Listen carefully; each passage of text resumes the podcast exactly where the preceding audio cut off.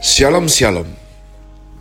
Selamat hari Jumat 28 Januari 2022 Kembali jumpa bersama saya Pendeta Kaleb Hofer Bintoro dalam anugerahnya.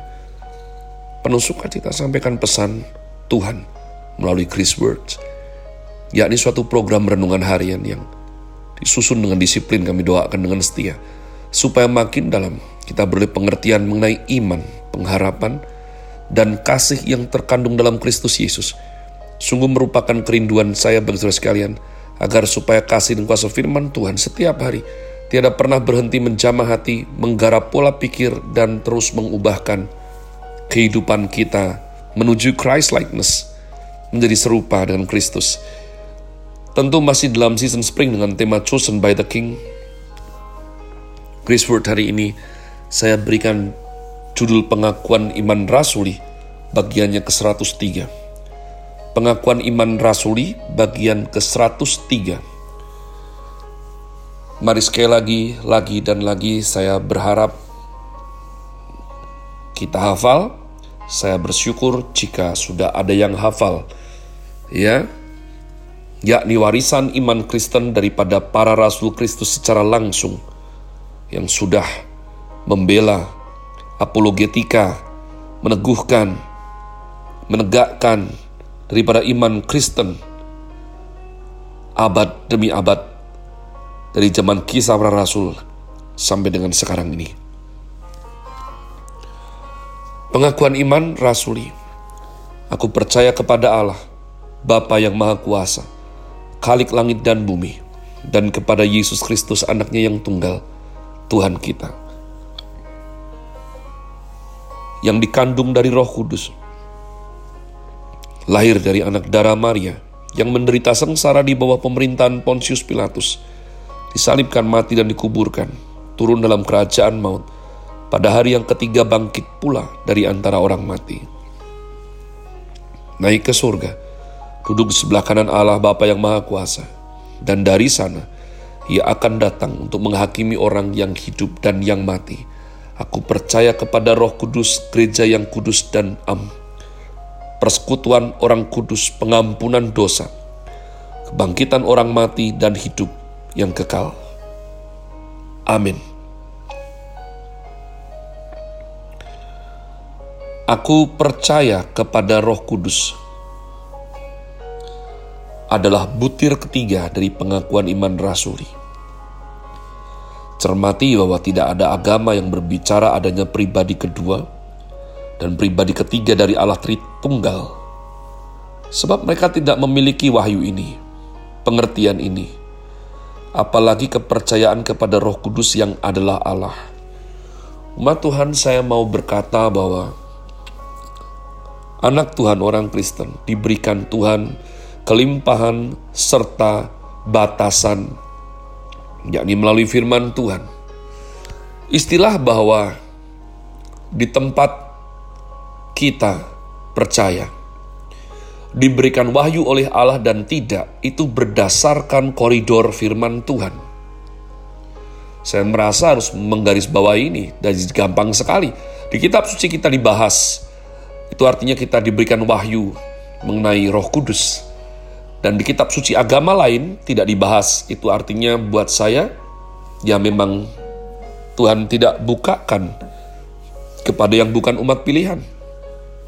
Kenapa saya perlu merasa ambil waktu untuk menegaskan ini? Karena di dalam tubuh kekristenan sendiri itu ada banyak sekali penyimpangan. Hal-hal yang hanya berdasarkan penglihatan, berdasarkan mimpi, berdasarkan pengalaman, berdasarkan gedenya suatu gereja atau berpengaruh kuayanya seorang pendeta, oknum pendeta, ya, sehingga ada yang meyakini minum minyak urapan, minum minyak urapan.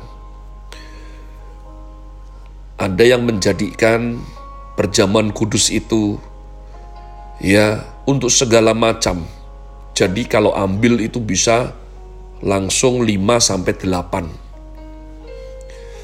Jadi kalau badan gak enak, pegel-pegel gitu, ya sama Tuhan, lalu mereka melakukan perjamuan kudus untuk meyakini bahwa itu menjadi penguat atau seperti vitamin rohani.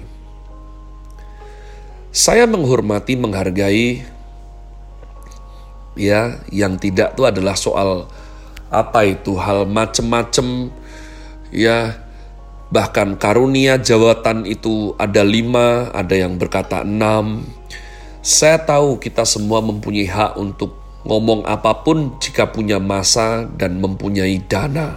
Silahkan Caleb Hofer Bintoro tidak punya waktu untuk berhenti menghakimi atau mendiskreditkan golongan tertentu saya meyakinkan diri saya dan keluarga rohani kita untuk boleh sibuk melayani Tuhan, mempermuliakan namanya, dan jika masih ada waktu, mari berbahagia, mari bersuka cita bersama keluarga kita, bersama anak-anak rohani kita. Ya, kenapa saya merasa perlu tandaskan ini? Sebab ada orang-orang dengan doktrin yang jelas tidak ada dalam firman Tuhan berkata, Aduh Caleb Hofer, kasihan sekali kamu yang disebut, yang dibilang orang ya, kalau karunia hikmat ada padamu, tapi ternyata engkau belum dibukakan sampai level ini. Ternyata kamu belum menerima pewahyuan mengenai hal ini. Nah inilah, ya, jadi saya kadang-kadang harus digarisbawahi bahwa yang saya setujui, yang saya wartakan adalah pewahyuan dari Tuhan, revelation, hidayah, adalah apa yang secara tertulis ditulis dalam kitab suci kita. As that simple. Saya tidak suka ya kalau tidak sesuai firman lalu disetarakan dengan firman dan diklaim sebagai wahyu Allah. Itu akan sangat berbahaya sekali. Jadi saya katakan, doktrin aku percaya roh kudus ini adalah sesuatu yang bersifat pewahyuan khusus yang hanya Tuhan ajarkan kepada anak-anak Tuhan.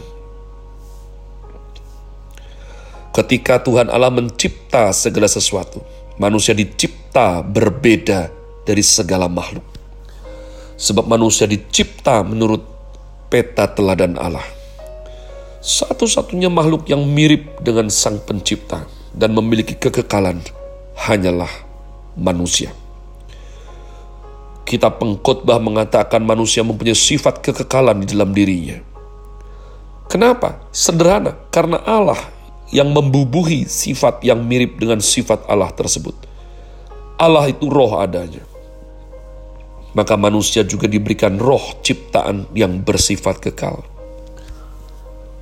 Roh Allah adalah roh pencipta. Roh manusia adalah roh yang dicipta. Roh Allah adalah roh yang kekal pada dirinya. Roh manusia adalah roh kekal yang diciptakan Allah. Karena Allah itu roh adanya. Kita diberikan roh sebagai sifat dasar eksistensi kita.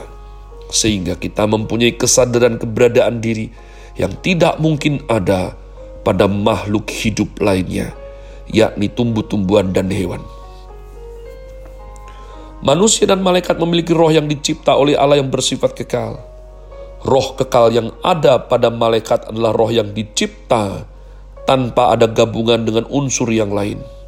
Sedangkan roh kekal yang dicipta di dalam diri manusia adalah roh yang bergabung dengan material yang disebut tubuh Ketika masih hidup dan disebut mayat ketika sudah mati, malaikat tidak berlaku hal ini, hanya manusia. Ya, jadi kita itu dibentuk dari debu dan tanah. Apakah ketika sudah jadi wujud manusia hidup belum? Baca baik-baik firman Tuhan. Kejadian Fatsal 2. Manusia ciptaan tersebut hidup ketika dihembusi oleh roh Allah. Baru bisa hidup. Jadi kemuliaan hidup kita itu bukan dari tubuh kita. Tubuh kita dari barang kotor, debu dan tanah, fana. Tapi yang membuat manusia berharga sebab kita dihembusi oleh roh Allah. Itulah kenapa pada saatnya nanti, maka roh ini akan meninggalkan tubuh yang fana dan mempertanggungjawabkan hidup dalam kefanaannya di hadapan roh yang kekal. Sehingga menjadi dasar apakah seorang manusia akan kekal di neraka jahanam atau kekal di rumah Bapa di sorga. Hati-hati umat Tuhan. Saya sudah pikir baik-baik, mau sesehat apa pun kita. Semua manusia, semua, pasti ada saatnya meninggalkan dunia ini. Pada saat itu terjadi, maka roh kita yang bersifat kekal ini akan mengalami kekekalan di mana. Itulah yang patut kita perjuangkan, kita kerjakan selagi kita masih menghuni tubuh fana ini. Have a nice day. Tuhan Yesus memberkati saudara sekalian. Sola. Grazie.